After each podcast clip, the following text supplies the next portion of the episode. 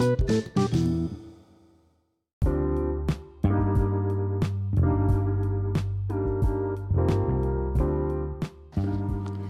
lagi sama gue Restu dan Resto. Kali ini kita bakal bahas tentang persiapan menikah.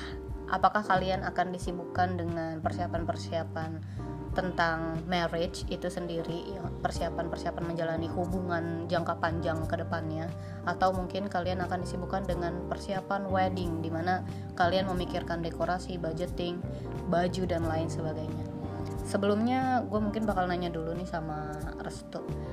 Kan biasanya yang pengen menikah tuh cepet-cepet cewek ya justru. Kayak nikahin aku dong nikahin aku dong gitu. Sedangkan untuk laki-laki sendiri mereka punya banyak banget pertimbangan tentang pernikahan gitu. Sebenarnya apa sih uh, yang dipertimbangkan dalam melihat pernikahan tuh apa gitu? Paling kebanyakan ini mental sama materi ya. Mental ya siapin. Maksudnya ada nikah tuh nggak bisa leluasa main gitu nggak bisa leluasa nongkrong. Walaupun ada juga yang udah nikah tapi tetap bisa nongkrong bisa main. Tapi ya menurut aku sih gitu misal ada aja yang cowok yang mikirnya ah gue ngetar nggak nanti main nggak bebas lagi gitu ya Iya. setelah menikah. Dan yang kedua pasti materi ya nyiapin. Kan bawa- anak orang nih hidupin anak orang nggak bisa. Itu kan udah jadi tanggung jawab kita nggak bisa tuh kita ya gimana ntar aja deh kalau materi. Kebanyakan sih ada juga yang mikirnya "Eh, udah nikah pasti ntar ada aja rezekinya. Tuh benar. tapi kan kalau aku sendiri nggak nggak kayak gitu harus nyiapin apa yang apa apa yang harus dipenuhi selama rumah tangga itu kan kita menghidupi ntar kalau misalkan punya anak ya hidupin anaknya gitu Oh kan. jadi lebih kepada materi nanti ketika uh, berumah tangga justru ya uh, sustainable-nya gitu apakah sustain atau enggak gitu gaji kamu mencukupi atau enggak untuk menghidupi anak orang bukan Iya. materi untuk meminang justru Iya kalau mikirnya sih gitu kalau misalkan meminang kan itu kan cuma sekali gitu doang paling ya. Ke sananya kan harus ya harus ada ke sananya makan apa gitu ya?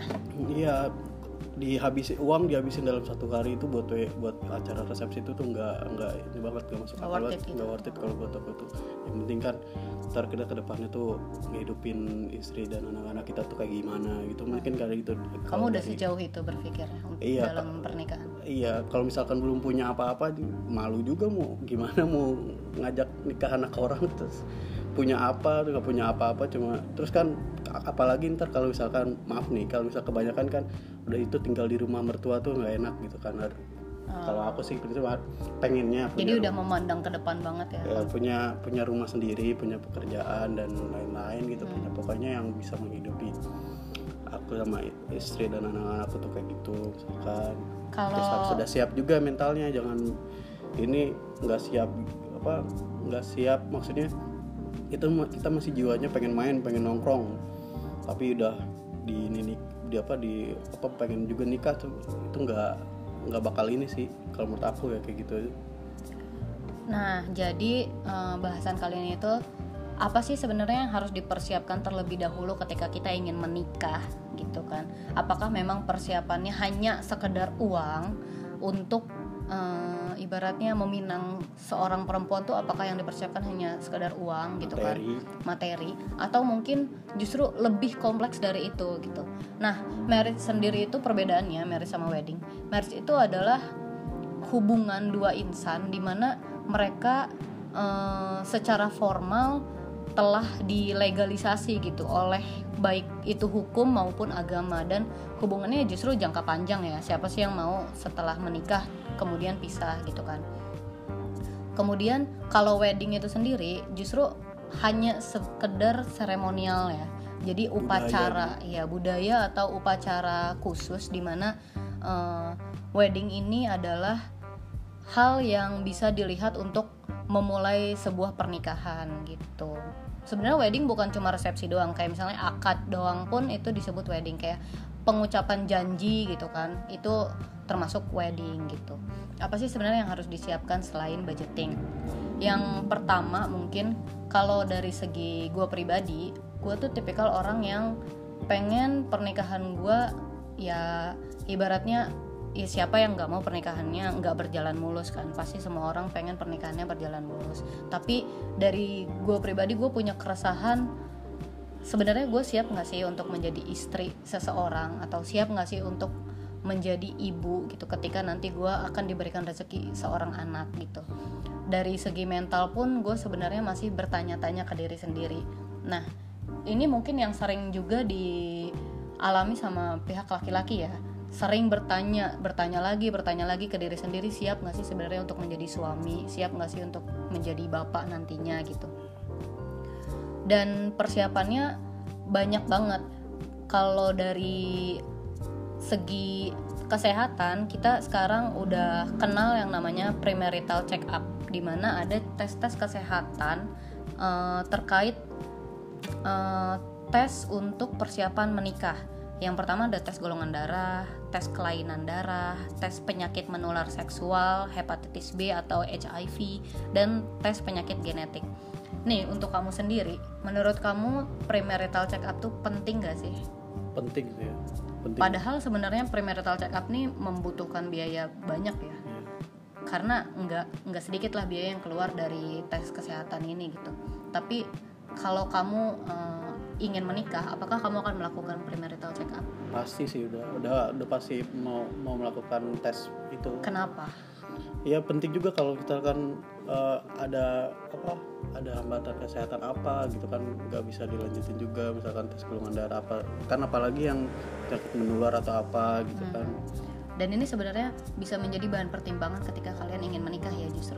Jadi kita bisa diskusi sebelumnya, sebelum menikah kita bisa diskusi ketika kita mengetahui pasangan kita memiliki penyakit genetik atau misalnya kita penyakit eh, menular yang berbahaya, apakah kita masih ingin menerima pasangan kita? Justru diskusinya sebelum menikah ya, dibandingkan ketika kita tahu setelah menikah ternyata kamu misalnya punya penyakit genetik eh, asma misalnya, asma tuh penyakit genetik nggak ya? Ya misalnya asma, tapi ternyata setelah menikah aku nggak terima gitu, kamu punya asma karena aku takut berarti anak gue juga bakal kena asma dong. Kenapa lo nggak ngomong dari awal kayak gitu misalnya? Jadi membuka diskusi dan peluang baru gitu ketika kalian ingin menikah. Kalau dari kamu sendiri ketika kamu ingin menikahi seseorang dan seseorang tersebut ternyata punya penyakit genetik yang misalnya bisa bisa jadi nanti diturunkan ke anak kamu apa yang akan kamu lakukan? Menurut aku sih nggak masalah. Karena udah dasarnya cinta pasti awalnya juga menerima apa adanya pasti. Jadi kamu akan menerima ya? Iya jadi walaupun walaupun ada resikonya walaupun menular atau apa kalau udah dasarnya cinta ya Nah, beruntung bagi kalian yang mendapatkan pasangan seperti demikian. Tapi kalau memang misalnya pasangannya justru malah mempermasalahkan, itu malah menjadi masalah di rumah tangga ya. Ya nggak? justru itu tuh harus dipertimbangin waktu kita pas pacaran gitu kan. Iya. Pacaran itu kan untuk mengenal satu sama lain gitu Hmm. kan. Itu kalian mau kayak gimana? Ke depannya tuh udah pacaran tuh mau lanjut atau enggak tuh terserah kalian. Itu kan proses untuk mengenal satu sama yang lain, apa resikonya kalian berhubungan dengan orang tersebut tuh kayak gimana gitu. Nah, itu salah satu eh, hal yang perlu kalian pertimbangkan yaitu melakukan premarital check up an- kalian dengan pasangan kalian sebelum menikah gitu. Yang kedua adalah premarital counseling di mana kalian berkonsultasi atau mungkin eh, jika kalian memang nggak mau mengeluarkan uang lebih untuk mendatangi seorang eh, apa ya psikolog atau psikiater dalam segi pernikahan kalian mungkin bisa berdiskusi langsung aja sama pasangan kalian. Apa yang nantinya akan terjadi di pernikahan apa pun hal-hal negatif apa yang nantinya terjadi di pernikahan kalian diskusikan dengan pasangan kalian. Apakah pasangan kalian akan menerima atau tidak dengan kondisi tersebut? Kayak misalnya nih kalau eh, kita sendiri ya eh, restu tuh udah bilang sama gua. Walaupun memang kita nggak nggak mau menikah di waktu dekat ini ya dan kita pun nggak punya rencana menikah ya. Tapi justru restu udah Menikah ya punya mau menikah sama aku. Punya rencana menikah tapi nggak dalam waktu dekat ini mungkin dalam waktu 3 sampai 4 tahun ke depan ya.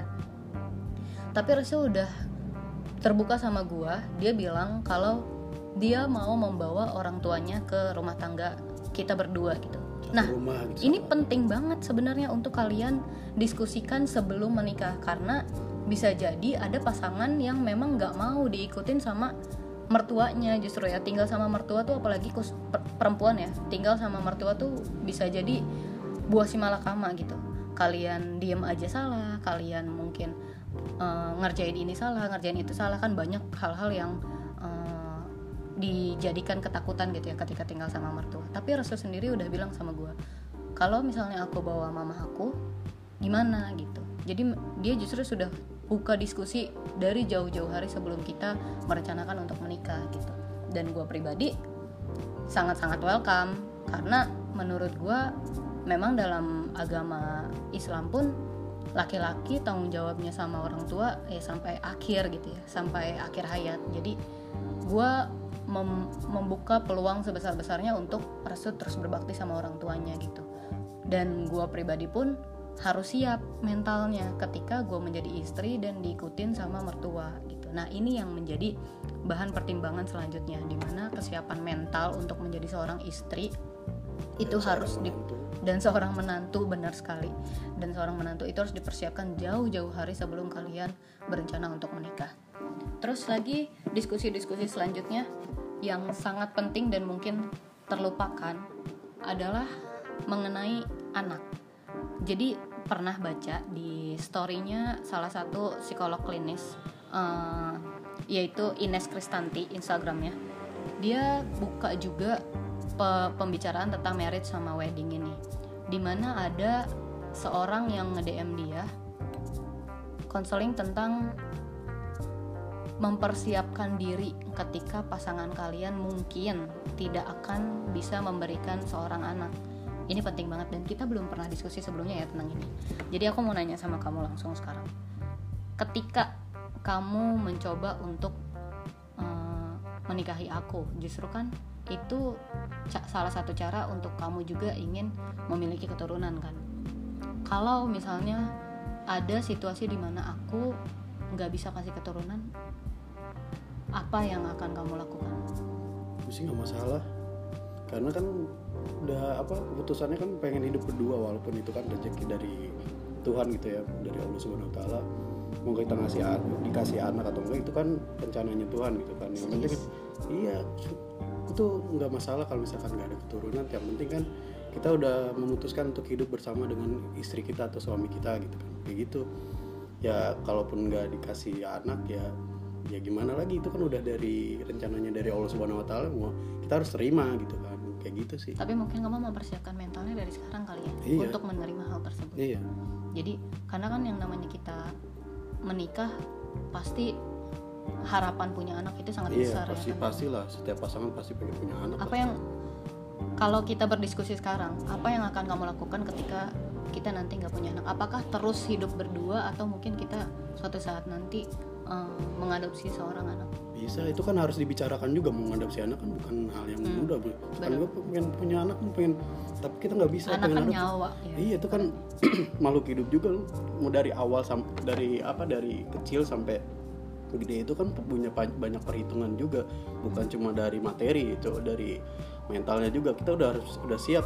Kalau ntar kan kan udah gede ah, si anak itu juga tahu kalau kita tuh bukan orang tua sesungguhnya misalkan kalau anak adopsi gitu kan jauh berpikir ke depan Iya, ya bagaimana nantinya eh, kita memberitahukan anak tersebut Iya. gitu. Atau mungkin gimana cara eh, apa ya membesarkan anak tersebut. Iya. itu kan salah satu hal yang perlu didiskusikan sebenarnya. Kalau misalkan pasangan kita ya kita nggak nggak punya anak nggak juga nggak apa-apa deh. Yang penting kita hidup berdua sama-sama gitu kan. Ya bareng hidup hidup bareng sampai mau memisahkan itu nggak nggak masalah sih buat aku.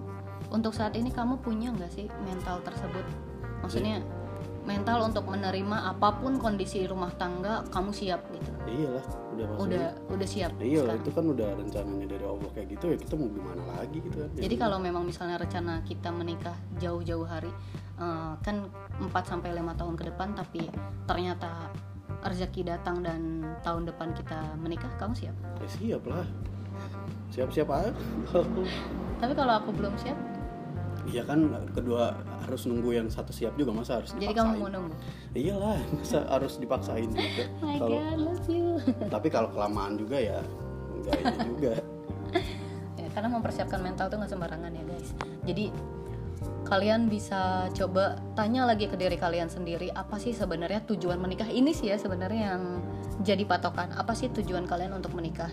Apakah hanya sekedar melegalisasi hubungan kalian agar nggak digerebek gitu misalnya. Atau misalnya hanya melegalisasi hubungan kalian agar pasangan kalian nggak diambil orang. Atau justru memang kalian ingin tujuannya tuh ya hidup bersama selamanya gitu kan. Dengan anak-anak kalian nantinya gitu dengan pasangan kalian dan keluarga pasangan kalian justru. Karena menikah bukan hanya sekadar dua orang ya tapi Atau justru zaman- menggabungkan dua keluarga. atau malah kalian cuma ikut-ikutan geng kalian udah pada menikah kalian doang Iya, jadi kalian insecure ya, Iya. takut wah geng gua aja udah pada nikah nih kok gua enggak? gitu. Atau mungkin dari tekanan orang Iya, gitu. dari tekanan masyarakat Kok- sosial gitu iya, misalkan dari kok tetangga atau kok umur segini belum nikah? iya kayak gitu. Apa sih sebenarnya tujuan kalian menikah ini harus dipertanyakan dulu ke diri kalian sendiri, bukan cuma ke diri pasangan tapi kalian bertanya ke diri sendiri apa tujuan menikah gitu.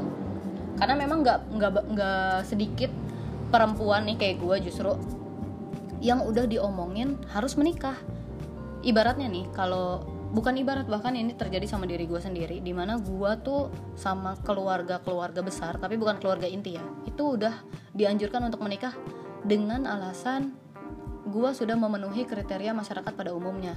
Gue sebagai perempuan sudah lulus pendidikan tinggi gitu kan. Pendidikan tinggi yaitu eh, universitas gitu. Gue udah S1 jadi apalagi yang harus gue capai? Kerja juga ya nanti suami kamu kok yang kerja? Bilang kayak gitu. Jadi ya udah cepet nikah jangan lama-lama gitu. Bahkan banyak yang membawa nama orang tua gue sendiri. Padahal orang tua gue yang nggak minta gue menikah cepat-cepat tapi mereka justru menekan bahwa kamu tuh anak tunggal nanti mama gimana? Kalau misalnya mama kamu belum punya cucu gitu kan atau misalnya keburu tua dan lain-lain. Terlalu menakutkan ya. Orang-orang sekitar tuh memandang kehidupan kita padahal mereka sendiri nggak tahu sebenarnya visi misi kita tuh ke depannya apa.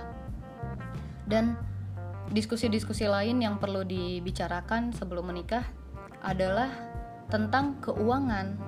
Materi. Ini hal yang sangat penting justru karena basic banget ya.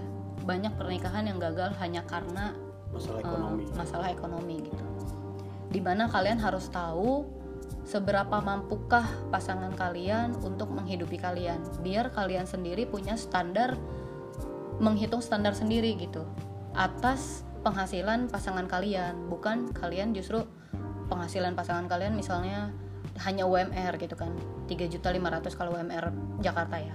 Terus kalian justru malah punya standar tinggi. Tapi karena cinta kalian melupakan hal tersebut. Akhirnya kalian menikah tapi setelah menikah ternyata kalian nggak kuat untuk dinafkahi dengan uang segitu. Ini harus diperbincangkan terlebih dahulu sebelum menikah gitu. Apakah nantinya uang pasangan kalian itu cukup untuk kalian sendiri dan apakah kalian memang menerima pasangan kalian memiliki eh, penghasilan demikian ya? Kalau kayak restu sendiri dia pengen punya rumah dulu karena alasan-alasan tertentu ya kan?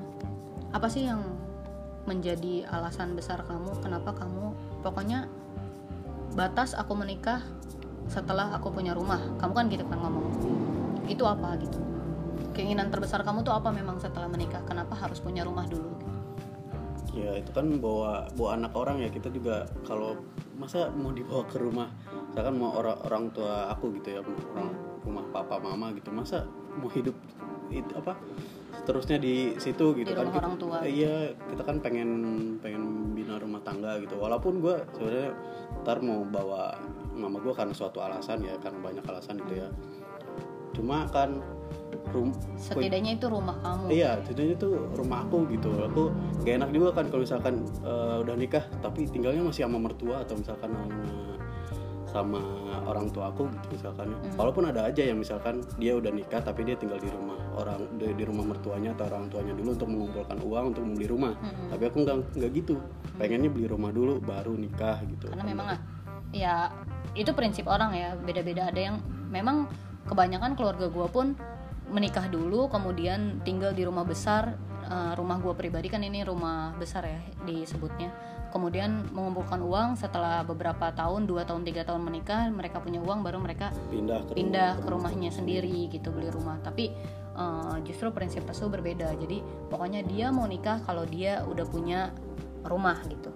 Eh, apa pun apa ya ibaratnya apa pun yang di diminta sama gue misalnya gue tiba-tiba pengen nikah cepat ya kalau dia nggak punya rumah mungkin dia akan Ya, akan iya. menolak ya ajakan pernikahannya gitu. Kalau misalkan mau buru-buru kalau akunya nggak belum belum punya apa-apa sih ya cari cowok lain ya terserah itu kan emang resikonya aku gitu resikonya gua gitu dan kan. ini bisa didiskusikan apakah gue siap menunggu atau enggak gitu kan ya. Kalau misalkan si ceweknya mau udah buru-buru nikah tapi si cowoknya belum punya maksudnya prinsipnya dia kan pengen punya rumah tapi belum punya tuh terus dia berpegang teguh sama prinsipnya si cowoknya dia kan itu Ya, udah tahu dia iya ya. dia itu kan re- re- tahu resikonya ya bisa apa si ceweknya ini bisa bisa pergi dan cari cowok lain yang udah siap untuk menikah gitu kan Hmm. Nah, dari segi budgeting sendiri bukan cuma sekedar penghasilan eh, pasangan ya atau penghasilan laki-laki, tapi kita sebagai perempuan maupun laki-laki yang ingin menikah, kita harus mempertimbangkan apakah kita siap ketika uang pribadi kita itu dialokasikan untuk uang bersama. Sebagian uang pribadi kita dialokasikan untuk kebutuhan rumah tangga. Apakah kita siap? Nah, itu yang harus kita pertanyakan lagi ke diri kita sendiri. Bertanya, bertanya dan bertanya. Dari yang misalnya perempuannya punya gaji 3 juta, laki-lakinya punya gaji 3 juta, otomatis eh, didiskusikan sebelumnya apakah eh, 50% 50% untuk kebutuhan rumah tangga misalnya berarti 1.500 dari uang gaji suami 1.500 uang gaji istri itu untuk kebutuhan rumah tangga baik dari dapur rumah dan lain sebagainya gitu kan. Atau mungkin uang kayak ibaratnya nih kalau di eh, kalian berpegang teguh sama agama Islam uang suami adalah uang istri uang istri adalah uang istri gitu kan jadi sistem keuangan seperti apa yang mau kalian pakai ketika kalian menikah nanti ya enggak apakah keuangannya fleksibel? Misalnya suami mau beli hobinya dulu gitu. Jadi bulan ini eh, kebutuhan listrik dan air istri yang bayar. Nanti bulan depan istri yang beli hobinya gitu kan. Gantian. Ini yang harus diperbincangkan ya enggak karena uh, lagi-lagi kita juga pernah diskusi kecil-kecilan ya tentang hobi masing-masing ketika nikah kan jadi harus tuh pengen dia punya komputer yang komputer gaming PC komputer gaming gitu kan PC untuk gaming. Yang harganya justru nggak murah ya komputer tersebut. Jadi nyeletuk deh gue bilang ya udah kamu yang bayar listrik gitu. Jadi aku yang bayar air. Ya udah iya gitu. Jadi ini yang sebenarnya harus didiskusikan sebelumnya. Nan- biar nanti ketika kalian menikah kalian memang udah tahu tabiat pasangan kalian tuh apa dan hobinya tuh apa? hobinya apa dan tanggung jawabnya apa gitu. Kalau bisa misalkan penghasilan suami atau istri kalian bisa memenuhi hobinya sendiri saya nggak masalah sih. Iya, tapi kalau memang diharuskan sharing itu wajib banget diskusi ya, karena kan kita menggunakan uang pribadi udah bukan untuk pribadi kita sendiri aja gitu ketika menikah, tapi untuk suami kita juga, untuk istri kita juga, untuk ngebetulin Anak, rumah, pendidikan apalagi anak. ketika punya anak gitu. Nah ini yang berat gitu. Jadi untuk pendidikan anak dialokasikan seperti apa? Apakah kita harus deposito pendidikan? Apakah kita harus nabung untuk anak sendiri? Ini yang perlu banget dipersiapkan gitu. Ini yang disebut namanya eh, persiapan marriage ya. Terus juga diskusi tentang pola asuh anak ini ya yang penting. Jadi ketika kita memutuskan untuk menikah otomatis ketika kita punya anak kita harus banget diskusikan pola asuh anak itu seperti apa. Karena memang eh, nggak sedikit orang tua yang ketika punya anak mereka masih mementingkan egonya sendiri gitu. Mereka nggak nggak mengasuh anak dengan baik lah. Jadi menurut kamu ketika kamu udah punya anak apa yang bakal kamu lakukan? Maksudnya gimana nih? Ngerawatnya apa Eh, ngasuhnya iya, apa? merawatnya Pendi- tuh kayak gimana? Dari segi pendidikan misalnya kamu pengen anak sekolah di sini gitu. Ya. atau gimana? Ya tetap kalau aku sih eh, pendidikan pendidikan dasar tuh dari rumah dulu ya. Misalkan dari orang tua juga harus ngajarin apa yang benar dan apa yang tidak tidak harus dilakukan itu apa yang harus dilakukan yang tidak harus dilakukan. Terus pendidikan sekolah terbaik adalah rumah ya? Iya, terus eh, pendidikan agama itu juga penting. Bukan cuma agama, terus juga akhlak dan pokoknya eh, harus fikih gitu ya enggak juga sih. Pendidikan agama penting cuma kan harus nggak boleh harus harus ada toleransi juga sama- Ya, mengajarkan toleransi ya, ya. Pokoknya kalau misalkan udah gede juga aku sih ters- te- kalau gue sih terserah dia mau jalannya kayak gimana. Misalkan dia mau lebih ke apa IT atau misalkan lebih ke ekonomi apa ekonomi atau misalkan eh, seni dan lain-lain itu tuh terserah anak itu yang penting kamu positif akan memberikan 100% pengasuhan kepada ibu atau Enggak. justru kamu juga ingin bertanggung jawab atas Enggak, pengasuhan anak? masa masa ke ibu doang? Enggak lah ya kan ada aja yang misalnya ya aku kan udah nyari nafkah gitu capek di luar. Jadi ya anak urusan kamu gitu kan ada yang kayak enggak, enggak gitu lah masa iya harus istri doang yang ngajarin ini tuh enggak lah. Cuma kan kalau ada juga sih yang pokoknya ada ada eh, waktu anak sama ibunya tuh lebih banyak atau enggak waktu anak sama ayahnya tuh lebih banyak. Nah itu tuh kan kalau misalkan gue kebanyakan ya waktu anak itu lebih banyak sama ibu kan.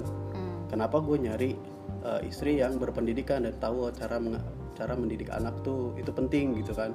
Nah itu gue uh, yang gue cari dari se- seorang wanita yang tar gue nikahin gitu mau itu kamu atau kan. Orang lain. Ya kayak gitu. Tapi pokoknya masa orang lain. Ya kan karena aku milih kamu karena kamu ada ada situnya ya udah.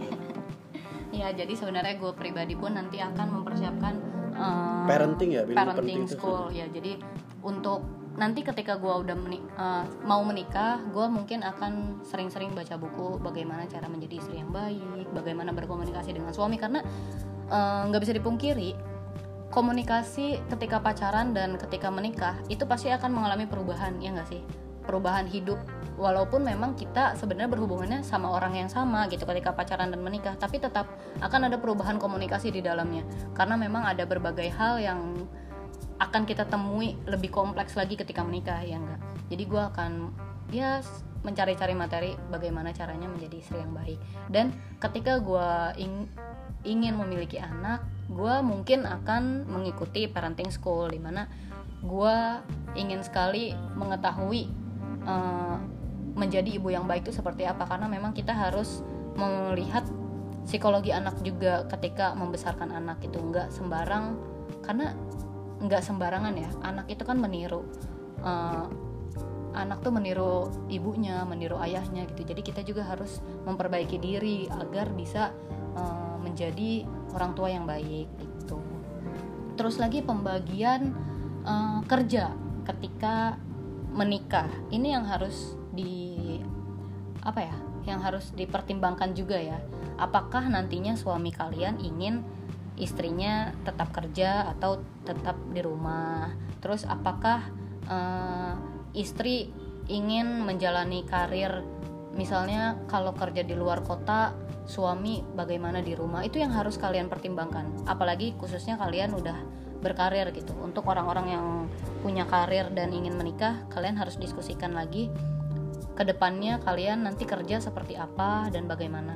Kalau kita kita udah diskusi juga ya. Kita banyak diskusi ya tentang pernikahan padahal kita Belum. sendiri belum siap ya sebenarnya untuk menikah mungkin ya. Tapi kita pernah diskusi tentang jadi gua ingin kerja di perusahaan atau NGO karena memang eh, gua gua nggak nggak mau ya kerja menjadi PNS bukan karena apa apa no hard feeling no offense sama PNS PNS tapi gue pribadi gue pribadi yang nggak mau kerja sebagai PNS gue udah bilang sama Restu. Dan gue mau kerja di perusahaan swasta. Dan ketika kita bekerja di perusahaan swasta itu kan waktunya nggak bisa saklek ya nggak kayak PNS kan. Datang jam 8 pulang jam 4 gitu. Bahkan bisa bisa kurang dari itu. Atau walaupun lembur pun nggak nggak yang seberantakan jam kerja swasta ya. Dan gue udah bilang ketika gue kerja gue akan menghabiskan waktu gitu kan. Nah ketika gue menikah gue ingin resign dari pekerjaan gue dan menjadi entrepreneur.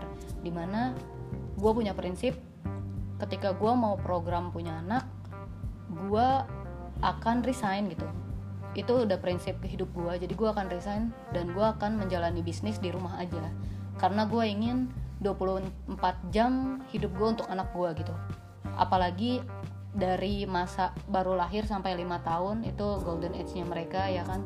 Di mana mereka sangat butuh gue sebagai ibu gitu untuk mengajari mereka. Karena sekolah terbaik adalah rumah gitu bagi gua. Dan gua udah bilang sama Restu dan tanggapan kamu? Nggak masalah sih kalau udah kalau kamu tuh keren fleksibel banget ya. Iya. apa apa nggak masalah apa apa nggak Ya, masalah. yang penting itu positif buat hidupnya terus jangan melupakan apa tugasnya sebagai seorang istri dan seorang ibu ya. yang penting itu. Mau kerja mau kerja silakan mau masih melanjutin pendidikan silakan mau ngerawat anak silakan yang penting jangan lupa tugasnya seba- dan kodratnya sebagai seorang istri itu sih. Apa sih yang yang di pandangan kamu kodrat seorang istri itu apa sih sebenarnya ya ngurusin suami ngurusin anak gitu kan. Kalau misalkan bersih bersih rumah bisa berdua berdua cowok. Oh jadi Bisa bukan suami. bukan misalnya ya kamu harus bersih bersih rumah itu kodratnya istri gitu enggak enggak. Sekarang sih enggak ya. Menurut aku mengurus suami itu dalam nah itu itu udah pasti dalam kan. segi apa gitu maksudnya? Ya misalkan bikin misalkan pagi-pagi eh, bikinin teh misalkan kalau aku kan bikinin teh misalkan gitu kan. Itu kan udah kalau aku ternyata ternyata aku masih bekerja ketika menikah gitu dan aku nggak bisa memberikan apa yang kamu mau seperti membuatkan sarapan di pagi hari justru malah aku yang justru berangkat duluan set- eh, sebelum kamu gitu. Ya masalah sih karena menurut aku. Yang penting ya itu jangan lupa tugasnya seorang jadi seorang ibu itu Ya, merawat anaknya. mem- membuat suami tetap merasa dia sebagai suami gitu ya. Hmm, kayak gitu sih. Ya, itu ya yang harus dipertimbangkan ketika kalian ingin menikah gitu. Jadi untuk kalian-kalian nih yang sedang mempersiapkan pernikahan bisa banget ini dijadikan wedang wedangan, wejangan. walaupun hampir seluruh isinya itu adalah curhat ya Iya curhat. Karena memang eh, apa ya? Sebenarnya kita juga nggak punya kapasitas untuk eh, memberikan wejangan seperti ini ya ke kalian karena kita juga sendiri Belum. belum menikah dan kita juga nggak tahu sebenarnya kehidupan nih eh, ketika menikah tuh seperti apa tapi kita mencoba meminimalisir eh, kekurangan dalam pernikahan nanti gitu. Walaupun memang ini hanya teori tapi siapa bilang teori nggak bekerja di kehidupan nyata ya nggak? Ambil yang baiknya yang buruknya ya ya buang gitu. Jadi banyak ya. Pertama eh, soal pembagian peran. Ketika kalian menikah nanti akan seperti apa pembagian perannya gitu kan.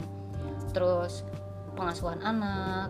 Terus lagi eh, apa hal-hal negatif yang mungkin akan kalian ya akan kalian dapatkan gitu ketika menikah apa yang nanti akan kalian dan suami atau istri kalian lakukan ketika menghadapi hal-hal tersebut gitu kan. Karena pernikahan nggak akan mulus terus ya pasti ada hambatan atau misalnya ya batu-batu kerikil lah gitu walaupun kecil tapi kan tajam gitu kalau misalnya sering dilalui gitu. Jadi apa yang akan kalian lakukan dengan pasangan kalian ketika menghadapi hambatan-hambatan tersebut kalian harus diskusikan. Terus lagi tentang kesehatan tadi eh, bagaimana penerimaan kalian dan pasangan kalian ketika punya eh, hal-hal yang nggak pernah kalian pikirkan gitu kan. Misalnya kalian berpikir ya pasangan kalian baik-baik aja ternyata punya misalnya penyakit genetik atau penyakit menular apa yang kalian lakukan gitu ketika kalian mengetahui hal tersebut nah untuk persiapan wedding sendiri apa yang kamu persiapkan untuk wedding? Ya pasti masuk uang ya pas kalau wedding tuh kayaknya all about money ya. Hmm, tapi ya untuk menghabiskan uang banyak uang di wedding itu nggak worth it sih kalau menurut aku sih. Yang penting kan ke inti dari sakralnya itu kita hanya seremoni aja ya Hmm. mengundang teman-teman atau keluarga dekat gitu kan. Untuk ya, wedding impian kamu tuh apa sih pernikahan impian kamu misalnya kamu pengen nikah ah gue pengen ketika gue nikah gue ngundang John Legend. Gitu. John Enggak. Lennon. Nih enggak lah. Masih hidup gak sih John Lennon? Enggak lah. Maaf ya untuk penggemar The Beatles. Terus? Enggak sih biasa aja kalau wedding yang penting inti gak kan- punya wedding impian apa apa ya? Nggak ada sih, yang biasa. rebek tuh sebenarnya cewek ya sebenarnya. Iya kebanyakan emang Kebanyakan cewek. pengennya ini itu, pengennya gitu. kalau cowok kan biasanya apalagi gengsinya aja. tuh besar. Sebenarnya menikah tuh murah loh murah. aja yang mahal. Murah banget. Cukup kalian urus uh, di KUA dan surat-surat segala macamnya paling habis berapa juta lah. Tapi gengsinya ini loh. Bahkan dari makanan aja asin sedikit diomongin. Kemarin aku undangan sama mama. Emang ya undangan sama orang tua tuh jadi bahan survei justru. Sampai ke rendang yang kurang mateng aja itu diomongin. Di wedding gitu. Jadi aku juga semakin insecure ya untuk m- melak apa ya melaksanakan wedding karena buset nih nanti nikahan gua sampai ke rasa kentang Mustafa aja tuh diomongin gitu. Ini yang menjadi pertimbangan khusus di wedding. Tapi untuk aku sendiri juga aku nggak punya wedding impian sih. Jadi tenang aja. Kamu tidak akan aku persulit untuk keinginan-keinginan yang macam-macam ya cuma seremonial aja sih kalau aku. Menurut menurut aku sih pikiran kayak gitu. Nggak terlalu kamu nikahin aku di KUA juga nggak apa-apa kok. Ya dengan segelas air putih juga nggak apa-apa. persiapan apa lagi yang menurut kamu perlu untuk seorang laki-laki? Nggak ada sih paling cuma mental sama materi doang gitu aja. Mental ya? Mental sama materi ya. Eh, kamu punya ekspektasi apa dari pernikahan? Ya sel- lu apa, hanya maut yang memisahkan udah gitu aja gitu. Jadi kamu ingin ya ya siapa ya yang mau pernikahannya gagal ya kan? Pasti pengennya pernikahan itu sekali dalam seumur hidup. Tapi jangan berkecil hati. Kalau yang mendengarkan ini ada seseorang yang mungkin pernah menikah kalian juga punya hak yang sama untuk memperbaiki kehidupan kalian. Jadi mungkin eh, saran-saran yang kita obrolin atau curhat-curhatan kita yang kita obrolin tadi bisa kalian pertimbangan lagi untuk nanti pernikahan selanjutnya ya. Ya karena itu kalian kalau misalkan mau memutuskan untuk menikah itu harus benar-benar mengenal pasangan kalian dulu ya. Itulah fungsi Iya, hubungan dari pacaran itu. Walaupun di agama kita tuh pacaran tuh nggak boleh gitu kan. Tapi kan itu juga untuk mengenal satu sama lain gitu baik buruknya gitu apa gitu apa yang kita apa eh, pasangan kita tuh ba- ba- baiknya di mana sih buruknya apa apakah kita bisa terima Iya. keburukan dari pasangan kita nah itu kan memang kalian pasti menikah, ada hal-hal yang nggak kalian ketahui ketika pacaran Iya. dan justru malah diketahuinya ketika menikah ya enggak misalnya eh, ternyata perempuannya perfeksionis banget tapi kamarnya berantakan apakah si laki-lakinya akan menerima gitu kan ketika mendapati istri seperti itu gitu itu gue banget itu gue sebenarnya orang yang rapi dia tuh orang yang berantakan Nah ini harus gue perbaiki dari sekarang. Jadi harus kalau memang mau dinikahin ya harus rapi-rapi kamar terus ya. Oke deh, eh, mungkin itu aja yang bisa kita bicarakan untuk episode kali ini. Ya, Jadi maaf kalau misalkan kebanyakan curhat ya nggak apa-apa tapi rata-rata relate ah sama kehidupan orang. Jadi intinya kamu mau menikahi aku? Amin pengennya iya lah masa lama-lama pacaran ngapain juga nggak dinikahin buang-buang waktu Ya ampun. kalau misalkan gak jodoh ya itu juga nggak Iya, tahu gitu tapi kita tetap menerima keputusan Allah lah. Eh, berencana ya tetap berencana, tapi kalau masalah jodoh biarkan itu menjadi rahasianya sang ilahi, ya enggak. Jadi siap ya 4 tahun lagi atau mungkin tahun ini. insya Allah kalau ada rezekinya Oke deh, untuk kalian para pendengar yang sedang mempersiapkan pernikahan atau mungkin ingin menikah di kemudian hari, kalian bisa dengerin ini dengan baik-baik. Bye bye.